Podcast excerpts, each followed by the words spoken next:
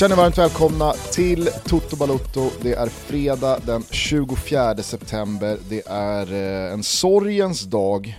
Det är en jävla klump i magen man har efter att eh, AIK igår kväll eh, meddelade att två unga supportrar på väg till Guldfågeln i Kalmar omkom i en bilolycka. Och om jag har förstått mm. det rätt så var de inte mycket mer än 16-17 år. Eh, och fan, alltså redan där så kändes det bara så jävla mörkt, hela liksom guldstriden och det sportsliga och Blåvitts kräftgång och allt som man hade liksom i skallen och i bröstet redo att prata med dig om kändes jävligt sekundärt. Men sen så kröp allting så jävla mycket närmre när Keff, om du vet, eh. Väsby-rapparen som är en AIK-supporterprofil har bland annat gjort ledmotivet till Radio Råsunda och det är en, kanske inte en kompis, men i alla fall en kompis kompis. Eh, vi har eh, haft, eh, mm. vi har parallellt eh, vuxit upp lite bredvid varandra eh, med en gemensam tight vän. När han då gick ut på Twitter sent igår kväll och skrev att det här var hans sons bästa polare och mm. kusin och att de skulle gå på derby tillsammans nästa vecka. Och, ja, men då kröp allting så jävla mycket närmre och det blev så äh, mycket mer mörkt och tragiskt. Och, fan, det är så jävla tråkigt och jag äh, beklagar verkligen sorgen till alla berörda och inblandade. Och, ja, det, det, det, det, är mm, tråkigt att börja i den änden, men det går liksom inte att mm. göra något annat en sån här morgon. Nej, kondolenser och tankar till eh, såklart alla, alla nära och eh, eh, framförallt familjen. Tänker på er, eh, tänk på er eh, genom, eh, genom eh, morgonen och även igår kväll. Den här jävla 2-1 vägarna som, som finns. Min mamma har varit orolig många gånger när man har varit på bortamatcher av just eh, samma anledning då såklart. Eh, så alla tankar till, eh, till nära och kära, finns inte mycket mer att säga.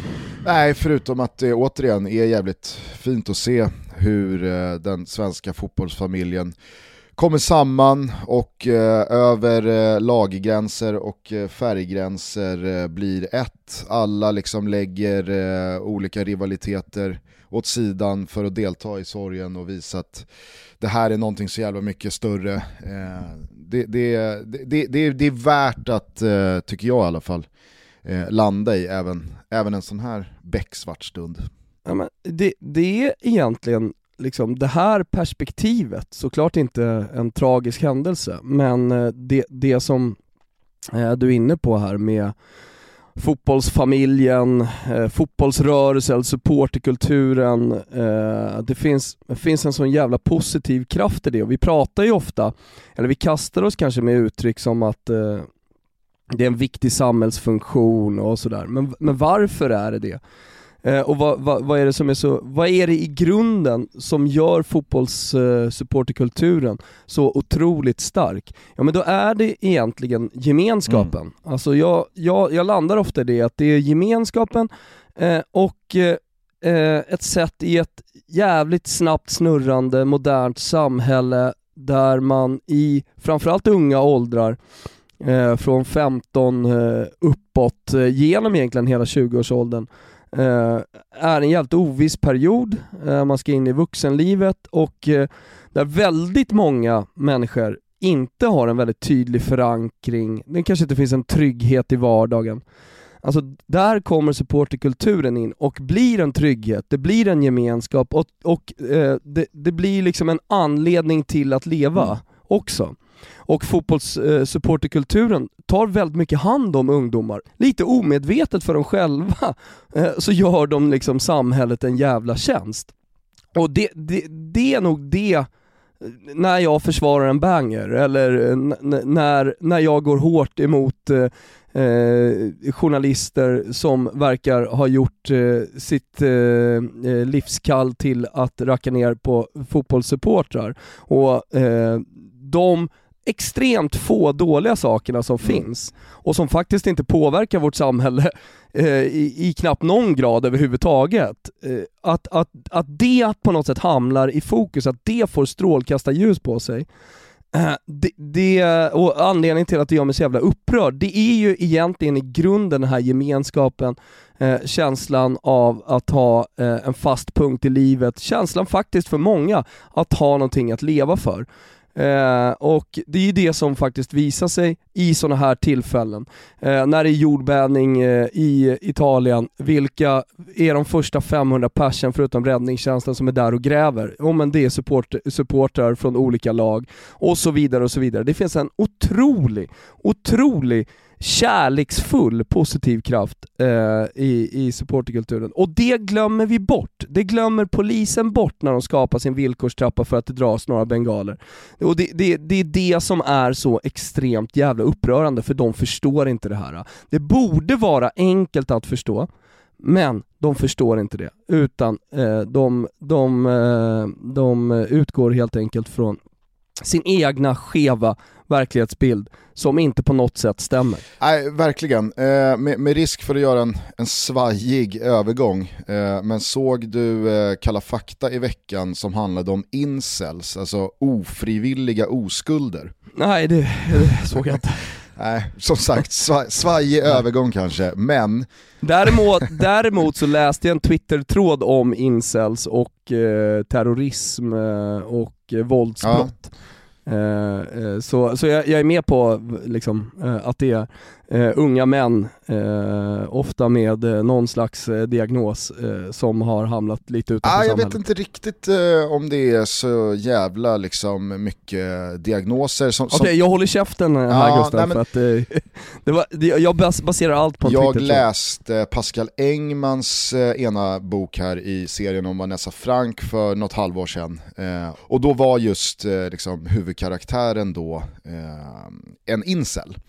Och så kände jag när jag läste, fan det här är väl ändå lite överdrivet liksom, att det ska, det ska börja skjutas kvinnor på, på öppen gata eh, för att man eh, har blivit liksom avvisad eh, av dem genom åren och man vet inte riktigt hur man ska föra sig och röra sig i tjejers närvaro och sällskap. Och, ja, men man, är, man, är, man är liksom en, en ofrivillig oskuld mm. men man identifierar sig i den oskulden och man känner sig så jävla liksom, orättvist behandlad och missförstådd eh, och, och, så föds ännu mera hat gentemot liksom, ja, men den stora gruppen kvinnor på då nätforum med andra likasinnade incels och det här blir liksom en sån jävla gyttja av destruktivitet. Eh, äh, men, hat, hot, eh, våldsförhärligande, att man, liksom så här, man, ha, man, man har så lite att leva för känner man att man lika gärna kan dra med sig alla i skiten och eh, ja, men bara liksom ta ut sin hämnd och sin... Eh... Spänd på vad den här svajiga övergången till incels eh, ska någonstans, bara så du vet om det så sitter jag väldigt spänd. Jo, övergången blir då att jag tror att supporterskapet Alltså visst, det, det, det, supporterskapets gemenskap föder väl i förlängningen också sexuell aktivitet, men jag tror framförallt... Ja, fråga Bayern Münchens eh, liksom, läktaransvarig. Jag tror framförallt, och det här är bara liksom så här, det, här, det bara kom till mig nu på, på, liksom, på, på, på volley, på studs, när du, pra, när du pratade om det. Ja, men gemenskapen som finns i det du, alltså så här, i, i, i liksom livet många ges en chans att tillhöra, sammanhanget alla ges en chans att tillhöra. Det handlar inte om, och det har aldrig handlat om, att liksom hej, kom och var en del av att hata polisen, att eh, sula en bengal in i familjeläktaren eller att göra liksom upplopp på en tunnelbaneperrong. Det är inte det någon liksom söker sig till eller fastnar för eller välkomnas att bli en del av, utan det man får möjligheten att bli en del av bland likasinnade, bland killar, bland tjejer, bland äldre, bland yngre, bland eh, killar och tjejer från olika samhällsskikt, från olika socioekonomiska områden att bli en del av en gemenskap för att man har en gemensam nämnare och det är en större eller mindre kärlek till ett lag och en sport. Och så ses man på en läktare eller så ses man i en minibuss och man kuskar land och rike runt och man får med sig, tror jag, ett, ett sammanhang och en känsla av att jag duger som jag är, jag är okej, okay, jag är accepterad, man lär sig interagera med människor. Jag säger inte att man blir liksom en incel som vill spränga sin stad eller sin skola eller sin gata i luften annars. Men jag tror, som du är inne på, just den där biten, Alltså polisen har ingen aning om att det är en sån jävla fundamental byggsten eh, i vad supporterkultur är. Absolut inte. Alltså jag talar ju eh, väldigt mycket från egna erfarenheter när jag pratar om supporterkulturen eftersom jag har levt i den under, under ja, alla de här åren som jag pratar om, mina unga år, eh, och där jag själv känt, eh, känt en, en, en, en oro för framtiden. Eh, jag har väl under hela mitt 20 eh, års liv, alltså från 20 till 30 också, eh, inte riktigt känt, känt en tillhörighet bortom supporterskapen och det har hela tiden varit min trygghet. Eh, och så, så, så, här, så för min del så så är e-, det jättemycket mina egna erfarenheter och jag vet att det funkar och jag vet hur viktig supportkulturen är för så många tusen och åter tusentals uh, unga personer. Så det, det, det är bara så här, när, när det här händer och när man ser all den kärleken så är det viktigt att, tycker jag, eftersom det, de, debatten brinner just nu uh, kring villkorstrappan och, och, polisens nya handbok och så vidare, så, jag, så, så är det viktigt att, att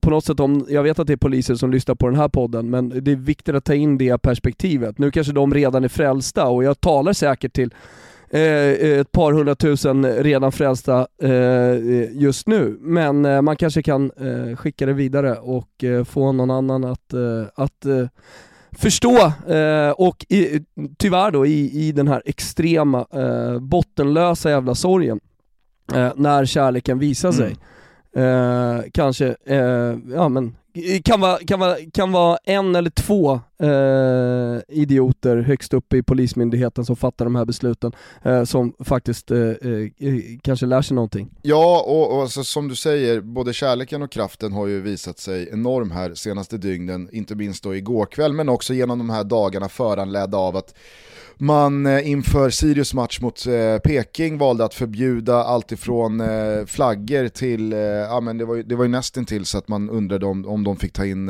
halsdukar. Men det, det, det, fick ju precis den liksom effekt som alla vi som förstår någonting och har några hjärnceller fattade att det skulle få. Jag tycker att Fredrik Söderberg, nu har jag liksom tappat hans officiella titel i AIKs ja. organisation. Eh, men han gästade i alla fall, ja vice klubbchef eller vad han nu är. Eh, han jobbar i alla fall väldigt aktivt med de här frågorna inom AIKs organisation. AIK som kanske har gått längst fram, eh, längst av alla i eh, kampen mot villkorstrappan, i alla fall i år. Eh, mm. Han jag hörde gästade... Göran Rickmer ska sägas också. Eh, Göran Rickmer, har ju, Göran Rickmer har ju på ett individuellt plan kanske gått längst fram, allra längst av alla. Men AIK som klubb har väl varit mm. de som eh, tydligast har... Ingen liksom... tävling, jag bara nej, noterade nej, jag, jag, att han sa bra saker. Ja, alltså Göran Rickmer, eh, otrolig. Otrolig. Eh, jag, jag, jag älskar Rickmer.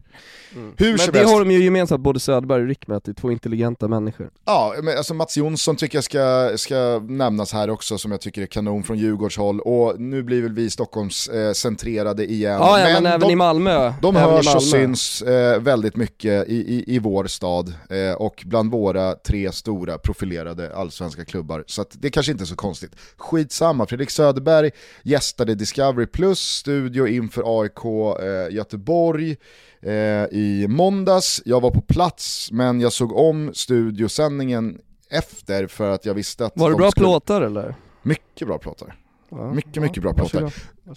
Du, du kommenterade aldrig, eh, jag skickade in i din och min och eh, superproducent Kim Wirsens eh, sms-grupp vem jag sprang in i i West Lounge. Ja, just jävlar! Det lämnade I... du okommenterat.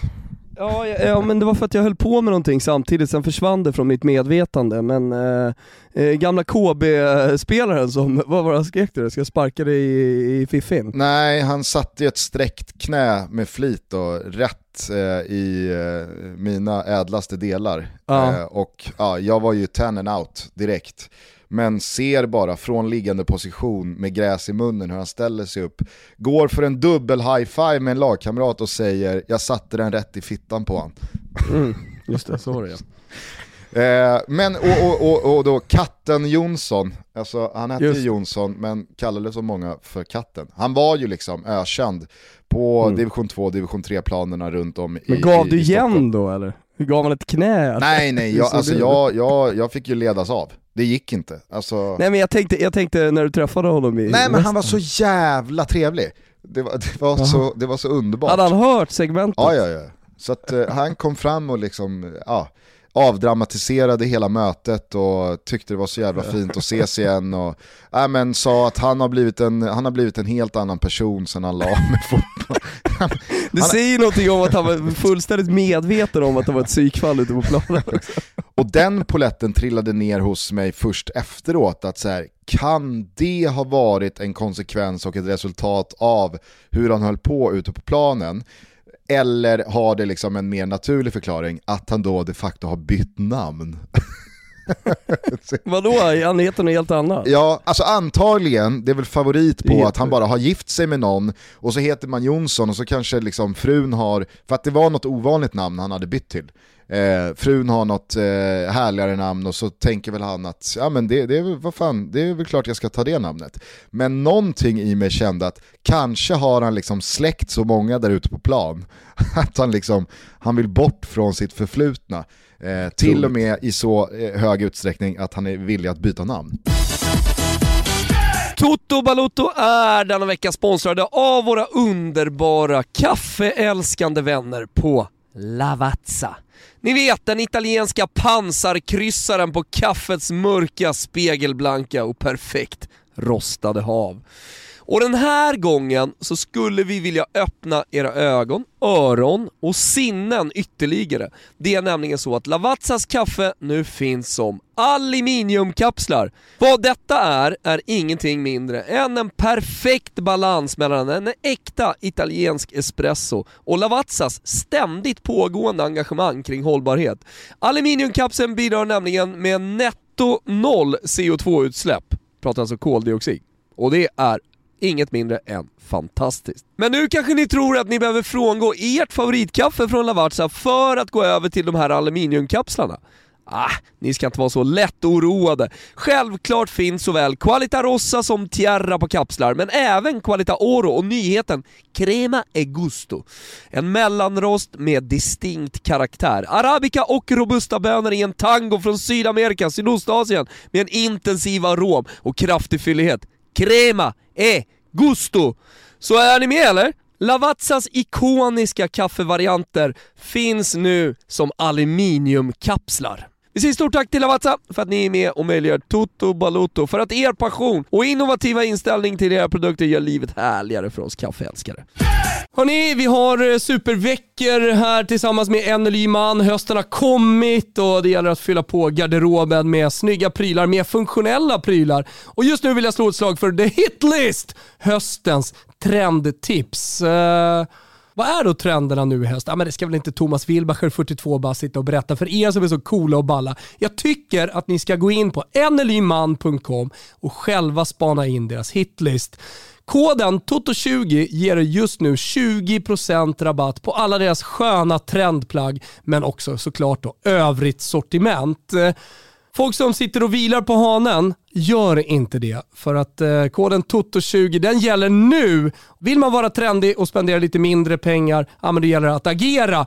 Koden är alltså TOTO20 in på nlyman.com. Köp de senaste trenderna. Vi säger stort tack för att ni är med och möjliggör Toto Balotto.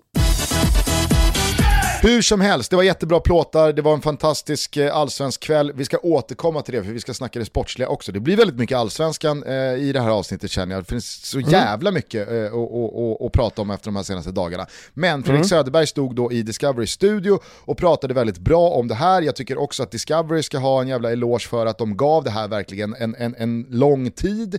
Eh, de hade Absolut. nästan nio minuter avsatta till det här och i en halvtimme studio inför en match så är det extremt lång tid. Eh, det, det, det, det, kan jag själv vittna om som har väldigt många körscheman eh, att eh, utgå från.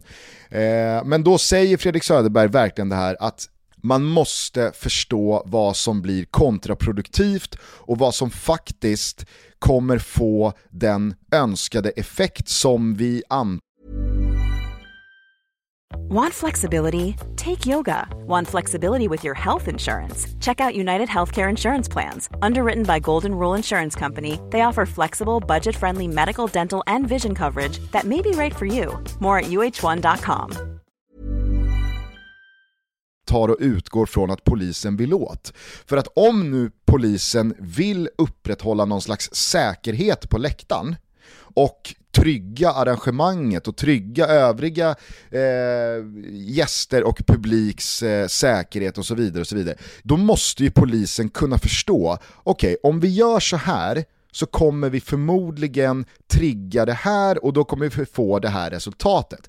Även fast vi tycker att då det är rätt av oss att förbjuda allt från tvåpinsflaggor till halsdukar till bengaler till allting och, och, och, och, det borde få konsekvensen att det inte tänds en enda pyroteknisk pjäs, så kommer nog vår samlade empiriska erfarenhet leda oss till att det kommer få motsatt effekt. Och om man då vet att det kommer få motsatt effekt, har man inte då ett ansvar att också liksom agera på det? För Fredrik Söderberg säger då väldigt bra, det här kommer bara bli kontraproduktivt de matcher vi har haft reducerad eh, publikkapacitet på grund av villkorstrappan, det är de matcher där det eldas mest. För då blir missnöjet större, det blir mer konkret, då liksom vill våra supportrar visa sitt missnöje. Och hur visar de sitt missnöje? Jo, genom att elda ännu mer.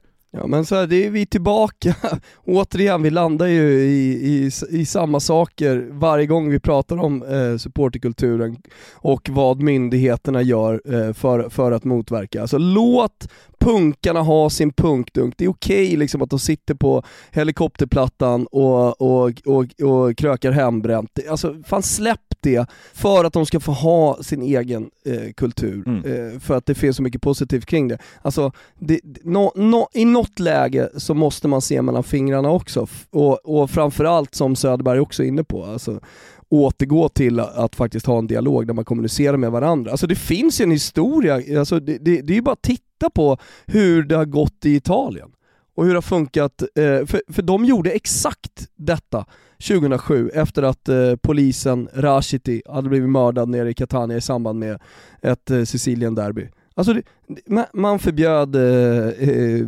banderoller, man förbjöd eh, flaggor, man eh, ja, men, eh, gav höga böter, publikreducering, stängde kurvor och så vidare och så vidare. Alltså dels tar det ju död på supporterkulturen. Alltså det, det är må många, många kurvor liksom som eh, inte orkade, många personer som, som helt enkelt slutade. Och då, då kan man ju ställa sig frågan, det ska vi inte göra nu, men vad händer då?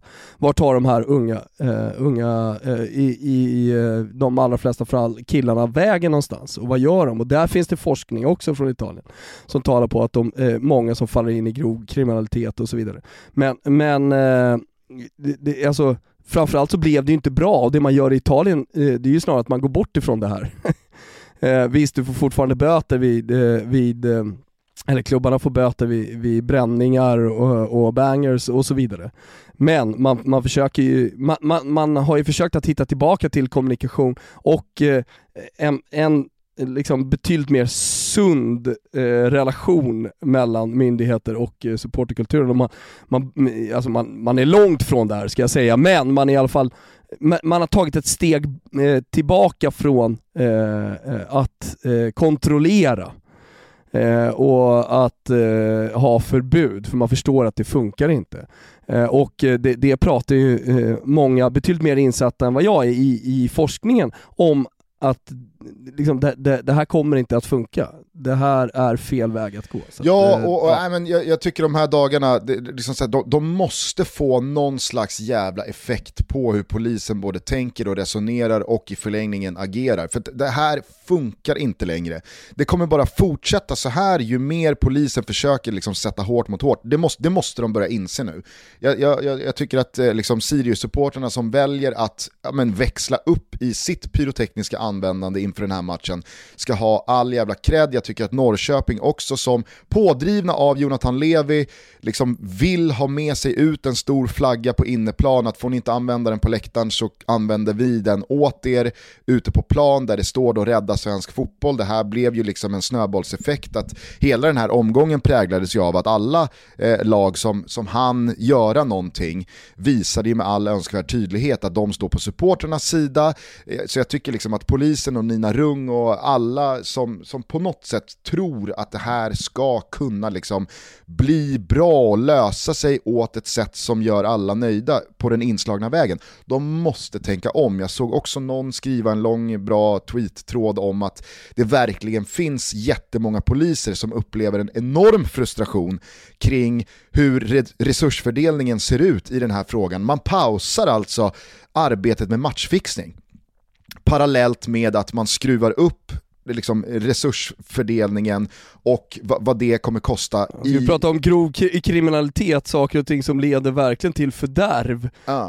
så, eh, så är ju matchfixning Eh, alltså, nej men för, mig är det, för mig är det helt eh, bisarrt, alltså jag har fått ihop det i hjärnan hur, hur en myndighet kan fatta de här besluten. Det, det är helt, helt idiotiskt alltså. Sen så kanske det är äpplen och päron i många avseenden, men jag tycker också att det blir problematiskt när det läggs så jävla mycket resurser på något sånt här när vårt samhälle parallellt ser ut som det gör med upptrappning av liksom våldsdåd, skjutningar, äh, men det, det, det, mm. det, blir... Grov kriminalitet! Exakt, det. Det, blir pinsamt tycker jag att följa de två parallella spåren när man i, i, liksom, i grund och botten vet att det här handlar om att snuten har bestämt sig för att det inte ska brinna en bengal på en ståplatsläktare på en allsvensk arena. Ja, men det, det, blir liksom, det, blir, det blir för jävla pinsamt tycker jag.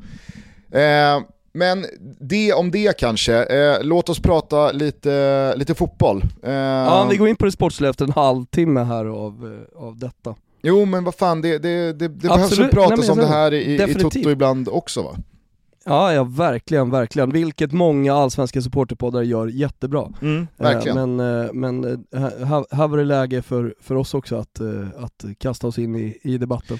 Det är ju en infernaliskt spännande guldstrid vi har att göra med här nu när det återstår en tredjedel av allsvenskan. Men det är samtidigt svårt att inte inleda det sportsliga snacket efter den här veckan eh, i IFK Göteborg.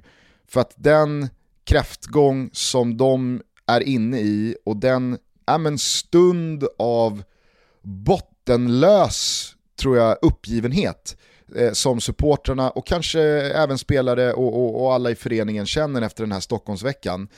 Nej, den, eh, den och, och, Gud ska fan veta att Blåvitt har haft sina mörka stunder de senaste eh, åren och säsongerna.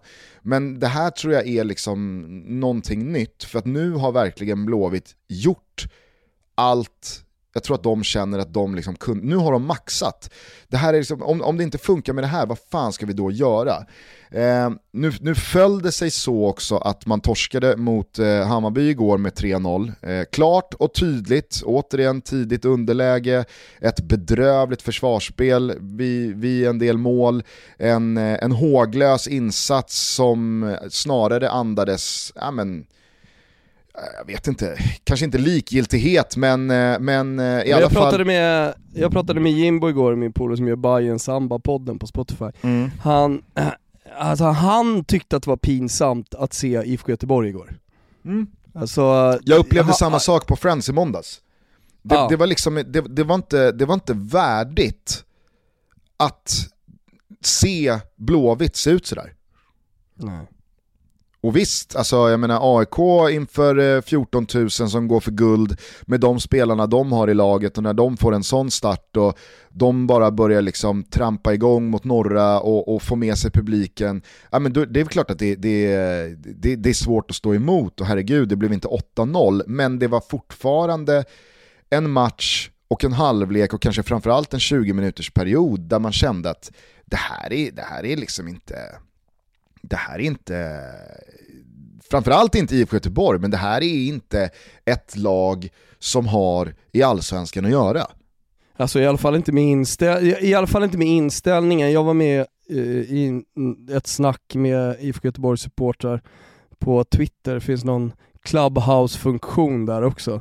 Eh, där vi pratade om, eh, om det och ja, men, så här, landade lite olika delar och sen så lyssnade jag på BB-podd, du skickade ju till mig här inför. Mm. Och det var väl, det var väl om man, alltså de supporterna som jag pratade med där var väl inne på uh, ungefär samma sak, eh, men vi kanske ska lyssna på det bara så att eh, våra lyssnare spelas in på vad, vad, vad, vi pratar om egentligen. Ja, för det, det, det jag skulle vilja sätta upp här, det är, eh, och, och, här får Jocke i, i BB-podd verkligen suga åt sig, kanske den bästa rant jag hört i en svensk eh, fotbollspodd. Ja, men så här, rant, på, på rant låter så grunt, alltså, jag, ty jag, jag, jag, tycker snarare en analys av läget och klarsynthet här av, av Jocke. Absolut, eh, och den är några minuter, men jag, jag tycker verkligen att eh, alla som på något sätt är fotbollsintresserade ska ha en förståelse för vilka IFK Göteborg är, vilken roll de spelar i svensk fotboll och i förlängningen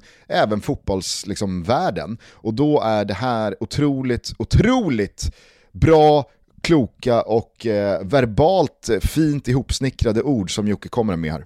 Nu kommer jag göra mig extremt impopulär bland väldigt många. Men när jag ser detta gammalmodiga i IFK Göteborg ställa upp mot AIK och inte ha en chans, så, jag, så, så, känner jag mer och mer att en stor del av anledningen till att det blir så här måste vara den liksom, saken som jag haft gnagande i huvudet under ganska många år. Och det är att, alltså det kanske är under, kanske under 20-årsperiod som vi har ställt allt vårat hopp IFK Göteborg till våra gamla hjältar. Det är våra gamla hjältar som ska komma tillbaka och spela. Det är våra gamla hjältar som ska sitta på varenda jävla ledande position i IFK Göteborg. För det enda man vill det är att känna med magen att det var bättre förr när IFK Göteborg dominerade svensk fotboll och var ute i Europa. Så därför så är det så jävla enkelt att hemfalla till det här att okej, okay, nu ska vi ha en ny sportchef. Ja, men vilka har spelat i IFK Göteborg? Han ska ha hjärta för IFK Göteborg. På, på, samma sätt ser det ut i hela föreningen. Man går inte efter de som är bäst. Man går efter de som känns bäst. Eftersom man vill ha något man känner igen. Ja, men som ett exempel då på att det ändå är samma gamla gäng av spelare och polare som på något sätt kontrollerar allt som görs i klubben så har vi en sportchef som är en gammal spelare och han handlar sina spelare av en agent som också är en gammal spelare och inte nog med det så är de här spelarna han handlar, de är också gamla spelare. Tränaren vi har nu, det är en gammal tränare förvisso. Den assisterande tränaren är en gammal spelare. Om de här eh, tränarna och sportcheferna vill plocka upp nya spelare från U-lagen så tränas alla våra U-lag av gamla spelare. Akademichefen är en gammal spelare. Han har också varit en gammal tränare i klubben, en position som han sannolikt fick för att han är en gammal spelare och så fortsätter det hela jävla vägen. Och någonstans så måste man ju se, har det gått bra? För om det har gått bra så älskar jag detta. Men om det inte har gått bra så är det uppenbarligen så att alla gamla hjältar inte var de mest kompetenta för att de råkar finnas på andra ställen. Och det får faktiskt vara ett jävla slut på det här nu. Från och med nu vill jag inte se någon rekryteras till IFK Göteborg för att han har spelat i IFK Göteborg. Jag vill se alla som rekryteras till IFK Göteborg vara de som är bäst lämpade och inget annat jävla skit. Och som av en händelse så sätter jag mitt hopp här nu för att vi ska kunna vända den här utvecklingen till en gammal spelare. Såklart. Nej men för jag tror att det krävs någon som är totalt orädd, som vågar ta obekväma beslut och som har en extremt hög status inom föreningen som inte blir ifrågasatt när man tar de här obekväma besluten. Och det är den personen som idag sitter som klubbdirektör, nämligen Håkan Mild. Håkan, jag har tyvärr inte hela det fullständiga receptet åt dig. Men om vi ska bli en modern och inte gammalmodig fotbollsförening så är det ta mig fan inte 2007 vi kan ha som ledstjärna längre. Det funkar inte längre. Jag tycker att det här är så jävla, liksom, huvudet på spiken, jag tycker att det finns en, en, en finess i hur han liksom återupprepar eh, ordet gamla och ordet spelare. Det finns en, eh, en, en, en, en knorr på slutet med att han sätter sitt hopp till, ironiskt nog då, en gammal spelare eftersom Håkan Mild är högsta hönset. Men sammantaget så tycker jag att hela kärnan i det han pratar om, det är fan i mig så jävla spot on.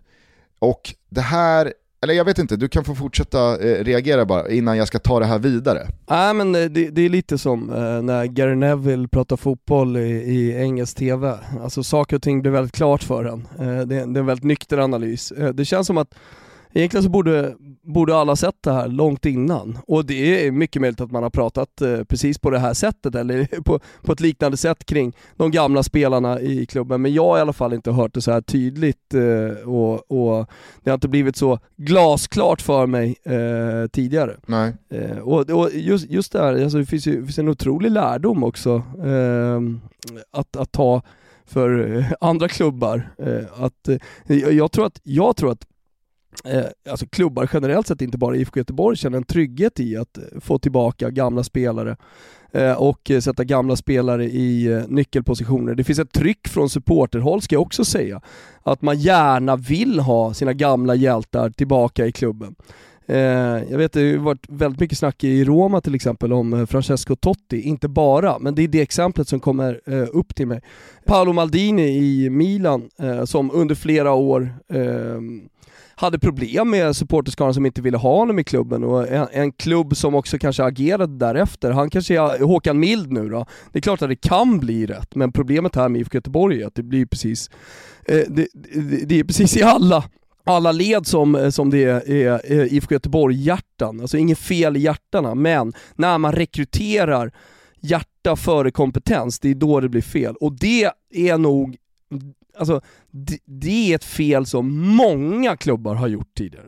Många, många klubbar. Absolut, men jag tycker och att... Och det skapar ofta, skapar ofta problem. Alltså, jag vet att jag, jag, jag, liksom, jag har nära till den italienska fotbollen, men eh, Antonioni i Fiorentina i somras när han lämnade klubben för supporterna emot sig och så vidare, men är ju såklart en jävla odugling. Vad fan ska han göra där i någon jävla ambassadörskap och kosta pengar?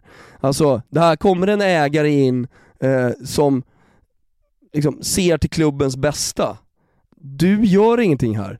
Du lyfter bara pengar, eller så här, de besluten du har tagit är dåliga Antonioni. Dags att lämna. Och eh, Nu vet jag inte om Håkan Mild är rätt person att göra den eh, ändå ganska stora revolutionen som krävs då om man, eh, om man ska blicka framåt bortom eh, hjärta för eh, kompetens. Men, eh, men, men, men, men, det är en väg som IFK Göteborg måste vandra, det är jag helt övertygad om efter att ha lyssnat på det här.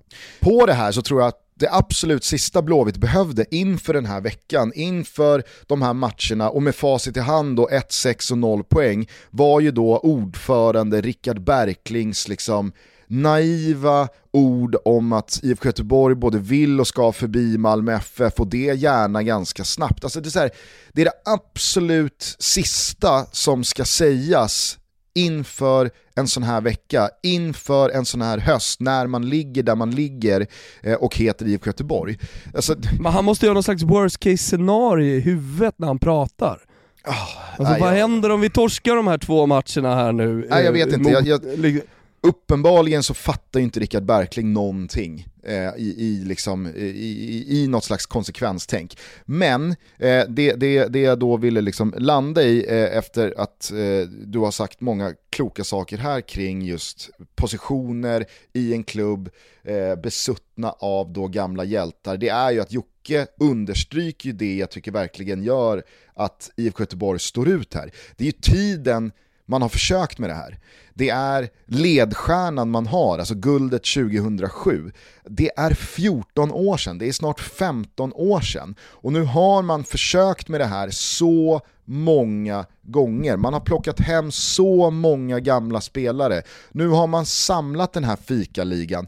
Nu har man gjort sig av med Poyas Bagi, försökt med Roland Nilsson men landat i att nej men nu är Stare här igen som var tränare senast man slutade på någon slags respektabel eh, placering i den allsvenska tabellen och inte bara vann ett cupguld. Men det, det, det, det, måste väl ändå nu vara så att Jocke sätter huvudet på spiken kring det som är IFK Göteborgs stålbad, T-korsning, skärseld, kalla det vad som helst. Att nu, nu får man faktiskt skrota det här. De, de har tappat bort sig i vart gränsen går för hur många gamla blåvita hjältar och legendarer man kan stoppa in i samma buss och tro att det ska liksom vråla om motorn. Upp! Hur många år, hur många säsonger, hur många försök behöver man på sig för att landa i att det här är ju fel väg att gå, det funkar ju inte. Och kanske är Håkan Mild helt, helt rätt person som dels Normally being a little extra can be a bit much. But when it comes to healthcare, it pays to be extra. And United Healthcare makes it easy with Health Protector Guard fixed indemnity insurance plans. Underwritten by Golden Rule Insurance Company, they supplement your primary plan, helping you manage out of pocket costs without the usual requirements and restrictions like deductibles and enrollment periods. So when it comes to covering your medical bills, you can feel good about being a little extra. Visit uh1.com to find the Health Protector Guard plan for you. Ja, men är en gammal spelare och har liksom IFK Göteborgs bästa eh, i, i, hela sig, men kanske framförallt för att han dels är då en, vad jag vill tro, kompromisslös ledare som fattar tuffa beslut, kan stå för dem och vågar ta dem. Jag vet inte, men igår så kom då Markus Krunegårds Askan är den bästa jorden till mig. Jag vet inte vad du har för relation till, till uh, den här låten. Uh, men... Uh... Senast jag träffade Krunegård var ju på finalen i Alla mot alla förra året. Ja, okej, okay. ja just det. Ja. ja, det är min relation.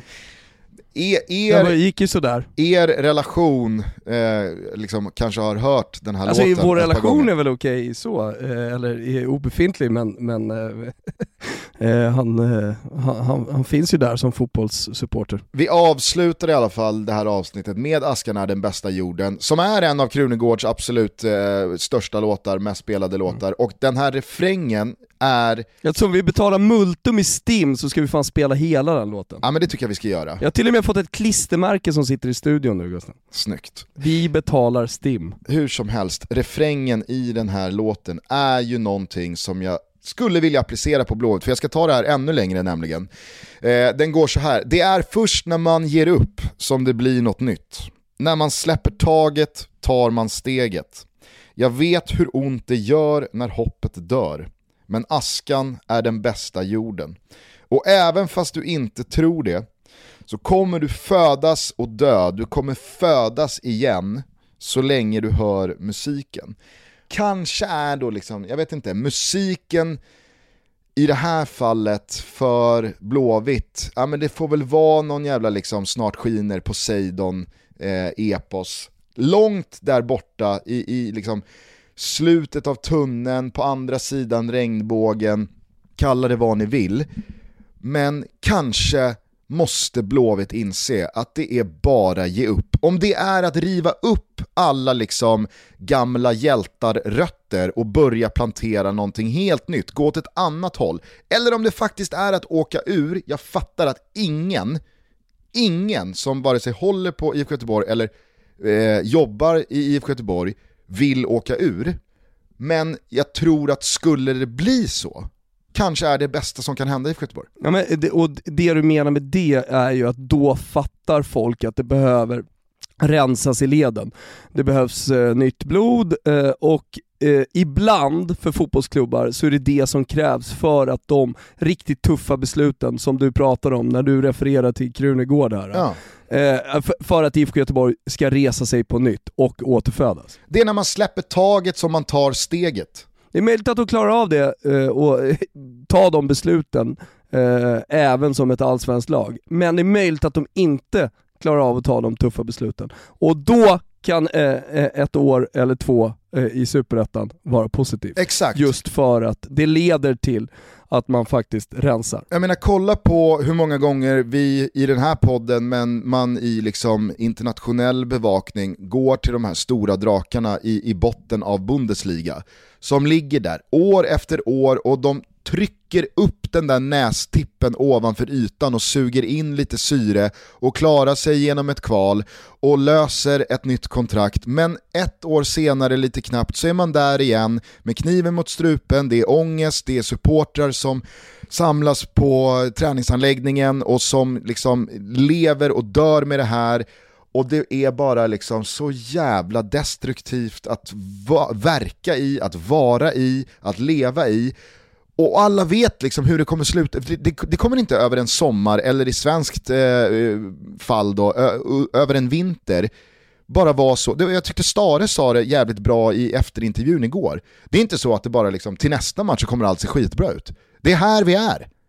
Alltså det, det, är så här det ser ut. Det är inte bara liksom, aha, det, det var den där knappen vi skulle trycka på så kommer allt bara funka igen. Marcus Berg är helt plötsligt landslagsbra igen. Gustav Svensson ser ut som någon som eventuellt blir aktuell för VM-truppen och eh, alla andra hemvändare är liksom, eh, ja men peakbra. Oskar Wendt är Champions League-bra igen och, och Mattias Bjärsmyr styr och ställer som den försvarsgeneral och chef han en gång var. Nej, men det, är så här, nej, det kommer inte ske.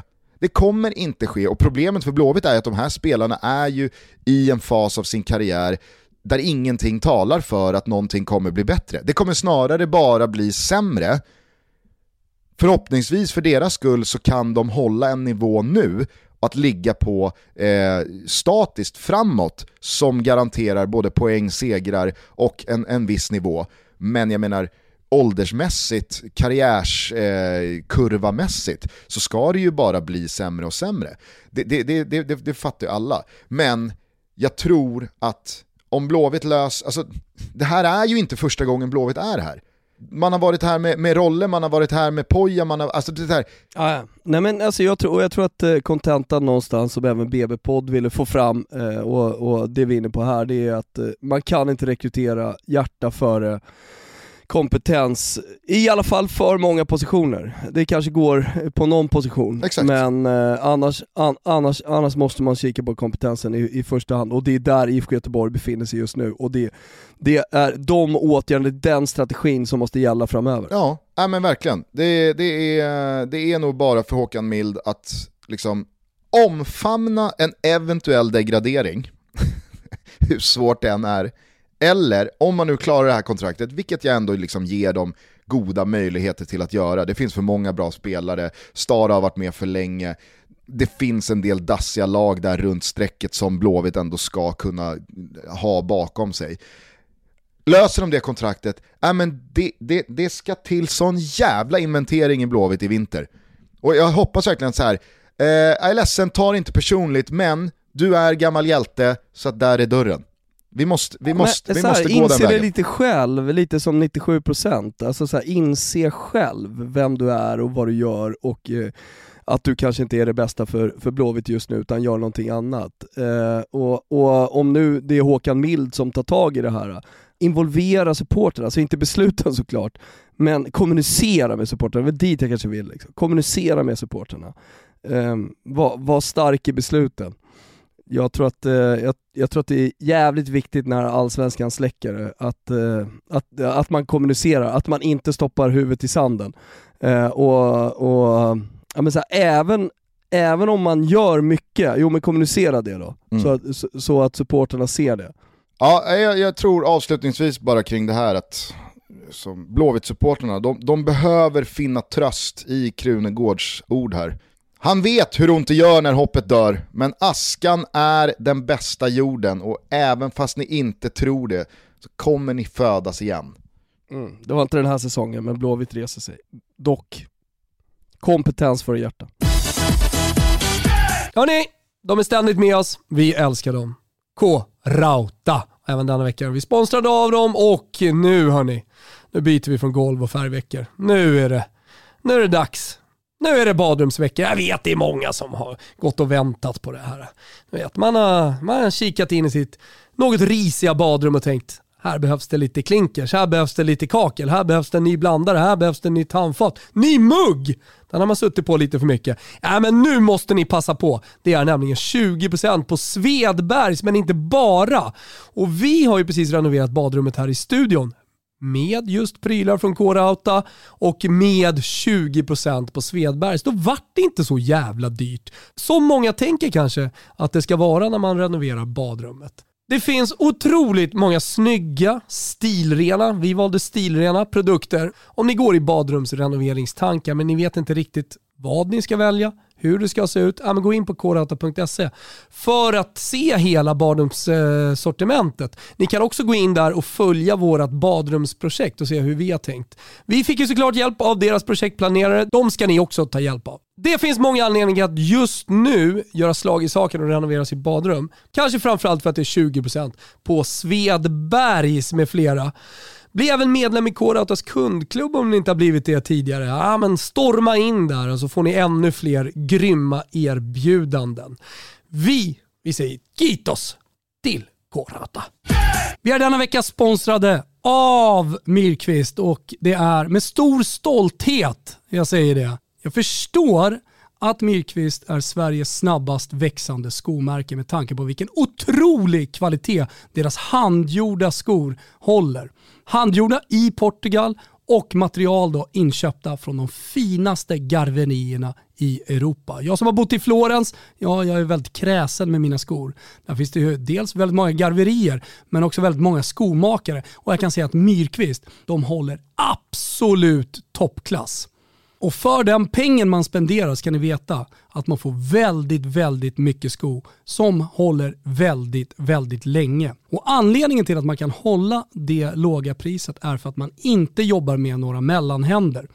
Det är såklart klassiska kostymskor i läder i mocka. Om ni kollar på Gusten i eh, uh, sändningarna då ser ni honom ofta sitta i ett par myrkvist. Det finns också sneakers, de går jag i god för. Jag har eh, ett par Oaxen som jag sagt tidigare, ett par väldigt snygga vita lädersneakers.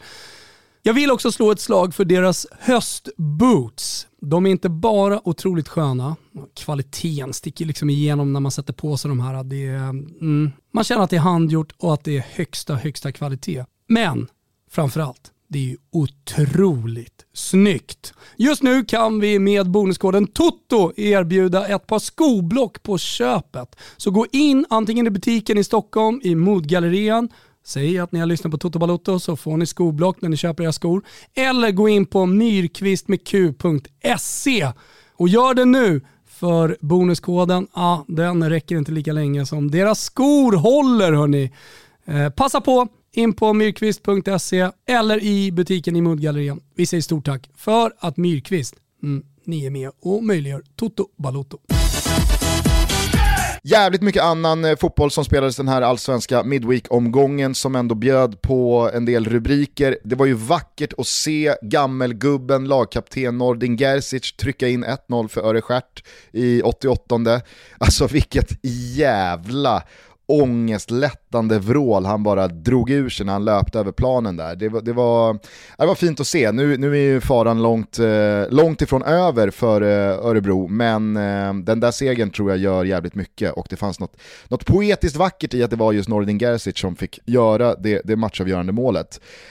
Malmö, krånglar ju till sig, lider till sig tre pinnar borta mot Elfsborg. Jag vet inte hur mycket du såg av den matchen, men eh, jag tycker att det var, det var en sån där seger som verkligen, som vi var inne på senast, kan vända på någonting för Malmö. För när väl segern kommer och när den kommer på det sättet som den gjorde mot Elfsborg, att man får lite tillbaka av marginalerna som man gått emot de här matcherna när man har tappat poäng, framförallt i, i, i slutet av matchen när man har tappat ledning till, eh, till ehm, eh, oavgjort så tror jag att den här matchen, så det såg inte så jävla bra ut, man såg otrygga i något 4-2-3-1. Eh, Frans Brorsson liksom får, får, får, bytas ut trots hållen nolla. Det, det, det, var tröttkört, det var fortsättningsvis många enkla missar från Colak, Birmancevic. Men man lämnar Borås Arena med tre poäng. Jag tror att, jag tror att, eh, jag tror att Malmö fick in mer kol i den där ugnen eh, än, än vad man kanske tror sett till hur matchen såg ut. Nej men absolut, eh, självklart. Eh, nu såg inte jag den matchen men, eh, men jag hör vad du säger. Jag tyckte det var fint också eh, av eh, Johan Larsson, eh, Elfsborgs på tal om gamla hjältar då, gamla trotjänare som är tillbaka med lagkaptensbindeln runt armen. Eh, som då olyckligtvis eh, gjorde matchens enda mål, tyvärr i egen bur. Eh, att han sa då efter matchen att ja, jag är i alla fall glad att jag gjorde det här målet och inte någon av våra yngre spelare i det här skedet. Eh, för att det, det, det, det kan knäcka en spelare jag vet inte, jag, jag, jag, tyckte i alla fall att det var, det, det var ett fint lagkaptens eh, ledarskap av honom att liksom, om, no, om någon ska avgöra den här matchen mot Malmö FF med ett självmål, då får det fan vara jag. För att jag, jag, kan, liksom, jag, jag, jag, kan, jag kan ta det. Jag kan gå vidare eh, med, med livet eh, utan att gräva ner mig och kanske liksom, ja, men, hamna på en plats som är svår att ta sig ifrån. Eh, Djurgården Visa karaktär när man tappar eh, 2-0 till 2-2 men ändå gräver fram det där vinstmålet i slutet av matchen. Man ska ju återigen, då tänker jag på Mjällby-matchen, eh, när, eh, när eh, det är väl Jakob Bergström va, som går ner i, i eh, 90 där han skulle ha haft en straff. Nu ska man ha en straff emot sig igen, men man klarar sig undan och herregud, det är liksom ingen Djurgårdsgrej, utan det är väl bara återigen ett, eh, ett exempel. Det märkliga, det märkliga är ju liksom domare som står med blicken rakt fram 3, 4, 5 meter ifrån ja. och ändå inte ser. Nej, men alltså... är, är det så här, är det, eh, är det solitanza psychologica, är det någon slags eh, eh, psykologi som spelar roll här för domarna? Men då är det någonting som man måste ta tag i.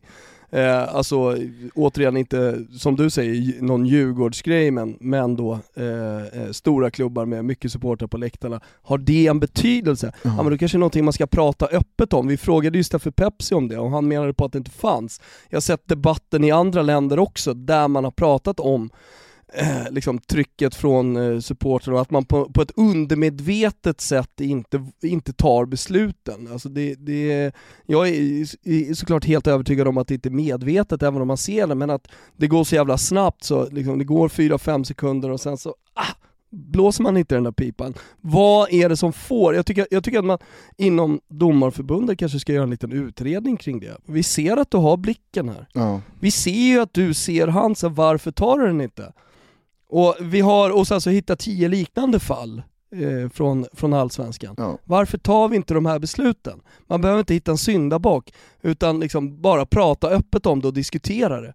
För jag är helt övertygad om att det, det, det, det är en faktor och det är någonting som eh, människorna som domarna är, Eh, kan utveckla sig. Absolut, jag tycker Ekvall, eh, Patrik alltså, eh, skrev om det ganska bra i veckan här, att det blir, liksom, det blir lite löjligt att inom svensk fotboll prata om att stänga av domare och man, man börjar snacka om komplotter hit och konspirationsteorier Problemet blir ju att det konspirationsteorier att domare... dit och, ja, men, och, och, som, e- och som Ekvall då retoriskt frågar, vem ska döma då? Alltså liksom, Ska vi, ska vi ta upp domare från division 2? För att jag, jag är ju också av åsikten att liksom så här, man, man, man, man har de domare som fotbollen förtjänar. Alltså, ska, ska vi börja titta på hårresande, oförklarliga misstag, jag menar då är det ju bara att titta på vilken spelare som helst i allsvenskan, i vilken match som helst. Det finns spelare med... Oh, men, jag, menar, jag vet inte om jag är helt med i den liksom, jämförelsen heller. Nej men det kanske inte är en jämförelse, utan det är snarare en påminnelse om att precis som domarna gör helt hopplösa misstag och man fattar ingenting, precis på samma sätt så ser jag ju spelare med 100 lax i månaden, 150 000 i månaden, göra misstag som så... Alltså, alltså, de, de är helt oförklarade. Oskar Vad spelar det Wendt, för roll vad de tjänar? jo för att det kom, alltså, ju mer man tjänar desto större krav kan man ju ställa på spelare att det ska finnas Jo. någon slags... Jo eh, ja, men alltså såhär, lägsta Övrebö, nivå. hallå, tre meter offside. Ja, alltså de här ja, misstagen görs även på den absolut högsta internationella nivån. Jag säger ingen i- roll jag säger in- spelarna känner. Ja, men jag säger inte att någon ska befrias från misstag eller att någon ska liksom befrias från jag, kritik. hör, jag hör vad du säger. Jag säger att inom fotbollen så upplever jag att många ibland har svårare att köpa att domare gör misstag än att man liksom eh, kommer ihåg att spelare gör motsvarande lika jävla märkliga Fast jag tycker inte misstag. det finns någon korrelation mellan en spelares prestation och en domares prestation. Det är två helt olika saker. Nej, men de kanske inte går hand i hand, men de, de, de försöker ju utföra ett så bra jobb som möjligt och ibland så blir det väldigt fel. Och jag säger inte att spelares misstag och fel ursäktar domares. De hade jättegärna fått göra hundraprocentiga insatser varje match, för min del. Självklart, men jag tycker att det, det, det blir lite för ofta, lite för hård ton mot domares misstag och så glömmer man av att spelare på de där allsvenska planerna gör lika usla insatser ibland de också. Men då är det inte liksom stänga av de här spelarna, eller jag, vet, jag, jag, jag fattar också att man inte ska stänga av spelare för att man gör dåliga misstag, men jag, jag kan tycka att det blir en skevhet Ja, men- i hur man, hur man angriper eh, det här.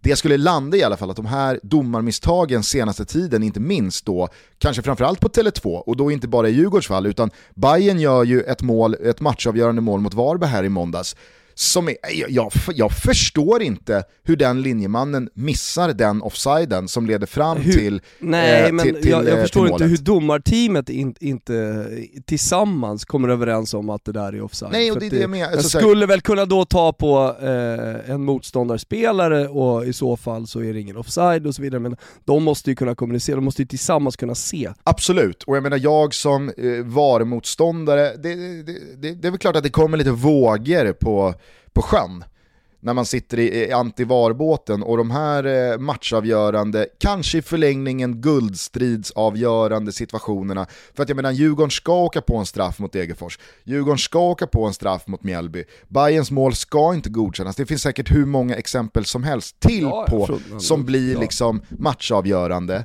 Eh, sen, hej, det kanske jämnar ut sig i längden och det, man får både saker med sig och man får saker mot sig. Det, det, det är en... Det Det är där en görs det ju alltid tabeller på i eh, stora internationella ligor. Mm. Görs det även i Sverige så skulle jag vilja se det. Tagga in oss på, på Twitter eller mejla till oss på totobalutta.gmail.com eh, om, om det har gjorts några sådana tabeller. Alltså, det är så här, utan felaktiga domslut så skulle tabellerna sett ut så här. Så här många pluspoäng har de, så här många minuspoäng har de. jo, Brukar ju ofta Juve leda. ja, Så fick jag det sagt. exakt. Eh, nej men och då, då är det så här, det är klart att det inte görs en sån tabell, men skulle det göras en tabell av ja, men, individuella misstag som leder till mål, ja, hur hade den tabellen sett ut? Jag vet inte. Ja, ja, ja, jag, jag ser inte korrelationen riktigt, det är två helt olika saker. Men jag, jag hör vad du säger, det är bara att introducera VAR i Allsvenskan. Ja, eh, och, och jag menar, på, på det här. På det här så sprang Gnaget runt med 12 man ute på plan mot Ja, ja. Kalmar igår, en minut. Ja, ja. Det är så- det är så- För nivå alltså. Anders Andersson sitter och räknar AIK-spelare. En, två, tre, fyra, fem, sex, sju, åtta, nej då. Så du vet, så här, 12. Ja, AIK är en för mycket. så det, det, och det, det måste jag säga, eh, Jonas Dahlqvist eh, är ju väldigt snabbfotad här och liksom eh, skickade ut då Jonas Erikssons eh, ja, men, högsta domstols take på det som kan leda till liksom, regelboken att nej, det här ska inte vara någon liksom, eh, diskvalificering av AIK i matchen och att Kalmar ska vinna med 3-0. Galna högsta domstolen Jonas Eriksson. Ja, ja men det är han ju. Han, han, han har ju skaffat sig den positionen. Jo, jag, jag ändå. Han är ju liksom svensk fotbolls GV. Ja, Det har han ju blivit. är. Mm. Eh, Ja, så är har ni byggd. men det tyckte, jag, det tyckte jag de gjorde bra rik också som igår, att väldigt direkt få ut att nej, det här ska inte bli någon liksom eh, diskning av AIK i matchen och att Kalmar ska vinna. Utan hade det blivit mål så hade det blivit bortdömt, eh, det, ska bli liksom, det blir gult kort i spelaren som går in. Ja, alltså mm. Att man, att man, ja. att man visar annars är det lätt att, och, och, annars är det lätt att det spårar. Exakt, snabbt. det är lätt att det blåser upp till storm. Jag, jag lovar, så här, utesluter allsvenskan hade kommit upp. 3-0 ja. VO hade väl varit den, eh, den eh, vanliga taken. Men jag menar så här, jag fattar att det händer i hockey när sex spelare samtidigt ska hoppa över någon sarg och att det blir något räknefel här och där. men, men, men, då finns också en två minuters utvisning att Sylve tillämpa. går inte riktigt med i pallet liksom, hoppar in på isen. Nej, men att, men att man i liksom en allsvensk guldstrid, ja, nu är Gnaget 12. alltså, det, det var så. Det är, ah, så, som, som liksom VAR-motståndare, som någon som tycker att liksom den tekniska utvecklingen går för snabbt, springer för snabbt i vår svenska fotboll, så är man tyst den här veckan. Jävlar vad tyst jag är den här veckan. Det, det går liksom inte. Tycker cred också till Bayern som reser sig efter både uttåget mot Basel och derbysmällen mot Djurgården med två segrar och sex poäng den här veckan. Och nu har liksom, eftersom Ja, men, eh, både, både AIK eh, och Djurgården tappar poäng i den här veckan. Eh, jag tycker eh, alltså man, man hade med sig in att Malmö och Elfsborg skulle mötas. Att man då liksom ger det chansen att säga nej fan, vet du, den, här, den där topp tre vagnen har inte lämnat perrongen än. Det tycker jag var starkt. Jag var, jag var imponerad av Bayern igår, i synnerhet första ja. halvlek och frisparksvarianten som, som leder fram till 2-0. Hatten av.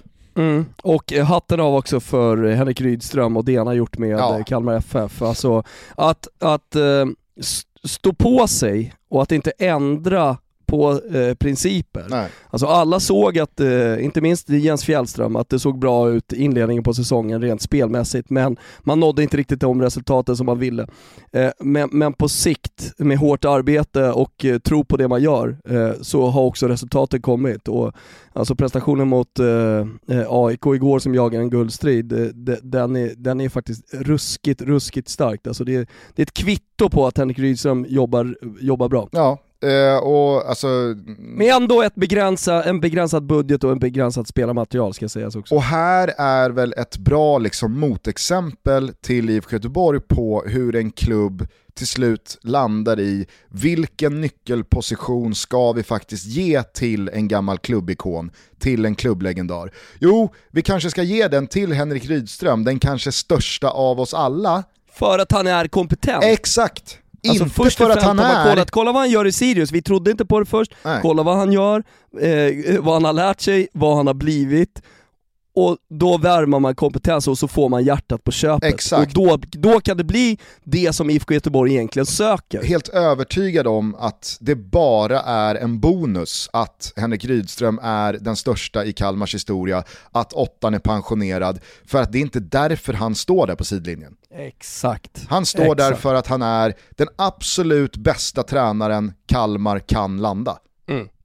Jag hade tänkt eh, Gusten att prata om Lilleströms resa mot toppen i den norska ligan. Jag hade tänkt säga någonting om Sergen Jalsin kontra Balotelli, eller Messi versus Icardi och gamla trekanter nere på Sicilien. Men jag känner att det här avsnittet, det ska, fan få, det ska få vara ett allsvenskt avsnitt. Det har vi typ aldrig gjort, men, men eh, vi lämnar helt enkelt den internationella fotbollen åt sidan här. Ja, alltså jag vet inte riktigt. Det, det, det, det var en liga... Nej, du ska bara omfamna det jag säger. Tycker väl ändå att vi bara kan liksom snabbt svepa igenom vad vi inte inte väljer att liksom eh, landa Jag sa väl de topp tre grejerna som, som vi inte landar i. Jag blev nyfiken på Vad fan gamla, har du mer? gamla trekanter på Sicilien. Den, ja, eh, vi får lyssna till eh, eh, på måndag. Ja, det blev jag nyfiken mm. på. Nej, men det, var, det var ju en ligacup-omgång som eh, jag tycker eh, inte sa så mycket förutom det vi alla redan vet, att Ole Gunnar Solskär inte ska träna Manchester United. Eh, det, det, finns liksom noll spelidé, det finns finns noll fan vinnarmentalitet i det där laget och att man Visst, ligacupen är ligacupen och för Manchester United så kommer det väl dröja ganska många år innan det blir en titel som på något sätt gör någon slags skillnad. Men det kanske är, eh, eller det är väl Manchester Uniteds absolut rimligaste titelchans den, den pissar man bort direkt om man gör det hemma mot West Ham. Eh, nu, nu, eh, nu gör ju Ole Gunnar Solskär livet eh, liksom ännu surare för sig självt och med det här nyskrivna kontraktet så ökar pressen än mer. Men det ska vi inte prata om. Eh, Hakimi räddar eh, Pochettino undan den värsta kritiken, eh, men PSG borta mot Mets, det var ju liksom återigen en insats som är så här, ja, men, jag, jag landar i fem ord när, när, jag, när, när jag liksom såg den matchen. Ja, okej. Okay vad fan är det här? Alltså det, det är ju det man känner när man ser PSG. Jag känner exakt samma sak mot Club Brygge, samma sak mot Lyon. Alltså, vad, vad fan är det här? Vi ger, vet du vad, vi ger dem helgen och så, och så ska, vi, ska vi ta ett grepp om det där på, ja. på måndag. Vi ger dem helgen. Så nära att Spezia går upp till 3-1 eh, i, mm. i eh, mitten på andra halvlek. Och då är ju, eh, jag vet inte var eh, Allegri hamnar någonstans Då är de ju förbi skärselden nere i helvetet, men de, de, de löser det till slut. Men ser du Juventus kvittering? Ja, ja. Alltså, jag vet inte vem det är, jag tror att det är Verde som ska försöka förhindra en hörna. Mm. Så att han löper i kapp bollen och istället för att bara slå ut den till inkast så stannar han den liksom på kortsidan, på den förlängda mållinjen. Och då liksom en, en, en jävla vildhundskesa kommer liksom mm. jagande och får fånga upp den där bollen, gör en gubbe, gör två gubbar, gör tre gubbar, tunnlar någon och så trycker han in kvitteringen. Alltså om, om, Verde bara, om Verde fattar i det där läget att i ledning 2-1 hemma mot Juventus, i det läget Juventus befinner sig i, då kan man inte hålla på och stanna en boll men inte kunna bromsa sin egen kropp på eh, kortlinjen här peta ut den till inkast, undvik hörnan och bara liksom ha åtta gubbar på rätt sida bakom bollen. Ah, det, det, när, när Kesa hinner upp den bollen, innan han ens gör mål, så, så ser jag bara att ah, nu, nu kvitterar de. Och när Nej, de kvitterar, ja då vet man ju vad som kommer hända. Nu kommer någon, förmodligen någon oväntad jävel kliva fram här, göra 3-2 och så tar Juventus den där segern, precis som Malmö tog den där segern, som innebär vad då? 18 kommande 6? Ja. Men hörru, nu håller du på att förstöra vårt fina allsvenska avsnitt här. Jag vill att vi ska blicka lite framåt bara via Toto-trippen i helgen Gusten, är du med på det eller? Ja, jag tänkte bara att vi skulle kort eh, säga någonting om Karim Benzema, men visst, Hej! Äh, men alltså hey. så här, hej, tror du, tror att den, äh, ska vi säga någonting? Jag har ju sagt eh, någonting, för fan det var ju två år sedan jag började prata om Karim Benzema, bara för att han gör mål igen. Helt plötsligt verkar det som att folk är förvånade. Nej, inte... Vad fan var det? var Martin, Ma jo men så här, Martin Åslund skrev någonting, typ, alltså, Karim Benzema, äntligen han blir bra. Alltså, fan, missar de senaste åren eller? Folk får upp ögonen för Karim Benzema nu. Va? Du är med fotbollsblind. Lyssna nu istället på vad jag har att säga här kring Toto-trippen. Du har ju faktiskt varit med och tagit fram den. Eh, så du kanske inte behöver lyssna så mycket. Men alla som lyssnar på Toto kan väl eh, bara vara med och rygga, för den här tror vi starkt på. Det är under 2,5 mål i Mjällby Elfsborg. Så är det bara.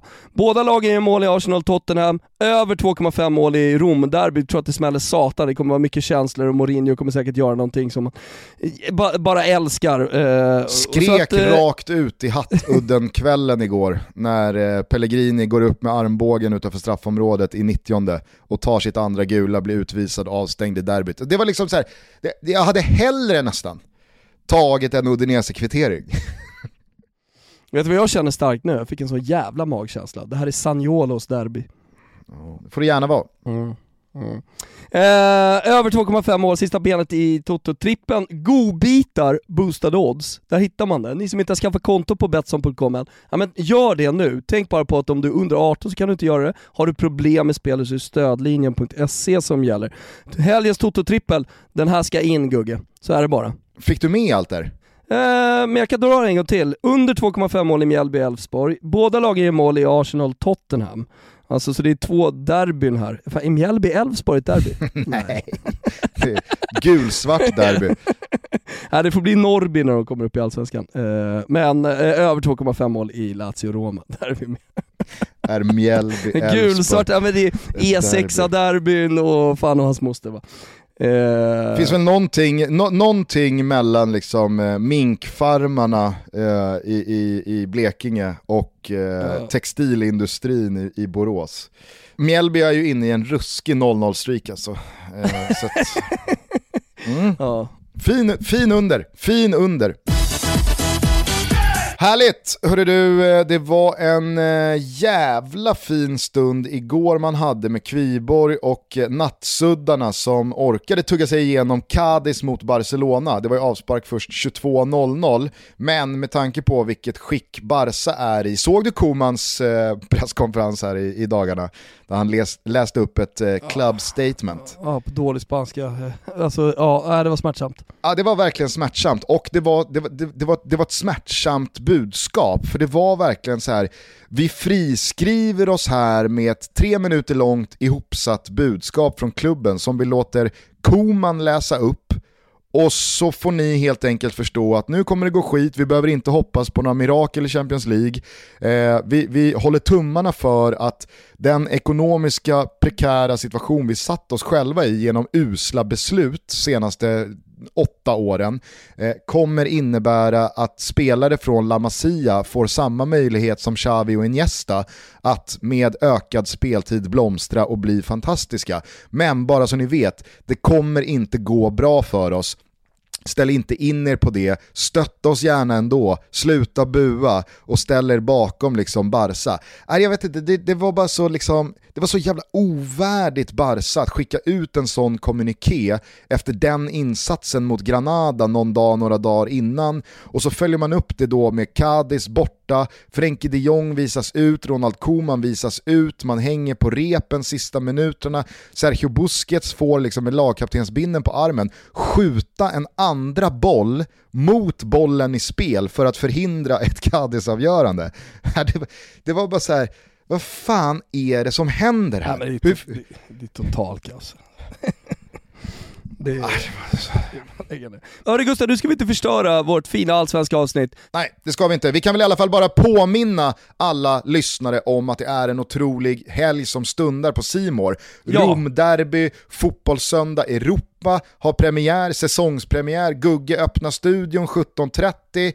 Det är ja, men Lazio-Roma följt av eh, Napoli mot Cagliari. Hur högt flyger inte detta jävla Napoli med Victor Osimhen längst fram? Jag vet inte, kanske vet de i studion så att de får svara på det. Och så rullar ju La Liga på parallellt med Champions League några dagar senare. På tisdag kör vi igen. PSG mot Manchester City, Zenit mot Malmö, Juventus mot Chelsea, Manchester United mot Villarreal. Du missar det viktigaste, alltså, jag sitter bara och väntar. Jag sitter bara och väntar. Alltså eh, Milan, Atletico Madrid. Nej, alltså du... Fan Gugge. Det är fredag, det är super fucking friday borta på Simor. Det är Hockeyallsvenskan, det är HV-Gnaget, det är Södertälje som tar emot Real Löven. Kom igen, kom in i matchen. Gå in på simor.se sport, skaffa er det abonnemang som passar er. Om det är GOAT-abonnemanget för fotbollen, om det är Premium Plus, ja men det får ni helt enkelt bestämma själva. Jag har med hockeyn i alla fall, det vill jag vara tydlig med. Ja, jag, jag tycker faktiskt att det är värt för alla som lyssnar på det här att påminna om vilka två abonnemang det finns att välja mellan. Antingen okay. så har man då för 299 kronor i månaden all fotboll från Serie A, all fotboll från La Liga, man streamar all fotboll från Champions League och så på det får man då hela Simors utbud, men eh, i sportväg även då PGA-touren, NBA, äh, men det är så jävla bra. Men man kan också växla upp till 499 i månaden, då får man på allt det här som jag redan har nämnt, all hockey från SHL och Premier League. Och all hockey från Hockeyallsvenskan, hallå? och Hockeyallsvenskan. Jajamän. Som körsbäret på Sitter tårtan. faktiskt och funtar lite, jag ska ut till Timo Nurmos äh, säteri här nu och kolla på en kuse tillsammans med Olen. Eh, Fan vad fint. Ja. Du, vet, du vet att Olen har tre hästar i finalerna i, imorgon, Kriteriet och Oaks? Äh, jag vet, jag vet, jag vet. Jag vet. Det är Helt sick alltså. Ska det är i... så mycket matjord i de där fickorna. Ja, säteriet ligger ju liksom bort mot Flen, Kimpa Wirséns äh, ställe. Ah, okay. Så det är halvvägs liksom till Flen. Fan om man ändå inte ska gå på Scania-rinken ikväll när Real Löven kommer. ah, ska du med? Ska du med Gugge? Nej, ah. nej det ska jag inte. Säkert. Däremot så tänker jag att det finns ett, eh, det finns ett par bjässar i Hockeyallsvenskan som också borde lyssna på Askan är den bästa jorden. Så är det. HV, HV-gänget. Ja men de gör, de gör bra. Så Känna en trygghet i att vi, vi, vi kommer födas igen. Ja men frågan om det, det är först när man ger upp, det, det, det, är först när man ger upp som det blir något nytt. Det ja. är när man släpper taget som man tar steget. Ja. Askan är den bästa jorden. Gå in på simor.se sport eller telia.se sport och landa det abonnemang som passar just dig allra bäst. Så hoppas jag att vi ses i Fotbollssöndag Europa på söndag Det gör vi. 17.30. Det gör vi. Eh, annars eh, så är det Champions League igen på tisdag. Ha en Mm. jävla trevlig helg Thomas. Detsamma, hälsa alla nära och kära och ta hand om dig. Trevlig helg önskar vi också alla er som lyssnar. Tack för att ni gör det. Ta hand om varandra, var rädda om varandra. Livet är skört. Vi hörs igen på måndag. Här kommer världens bästa krunis. Ciao tutti. Ciao tutti.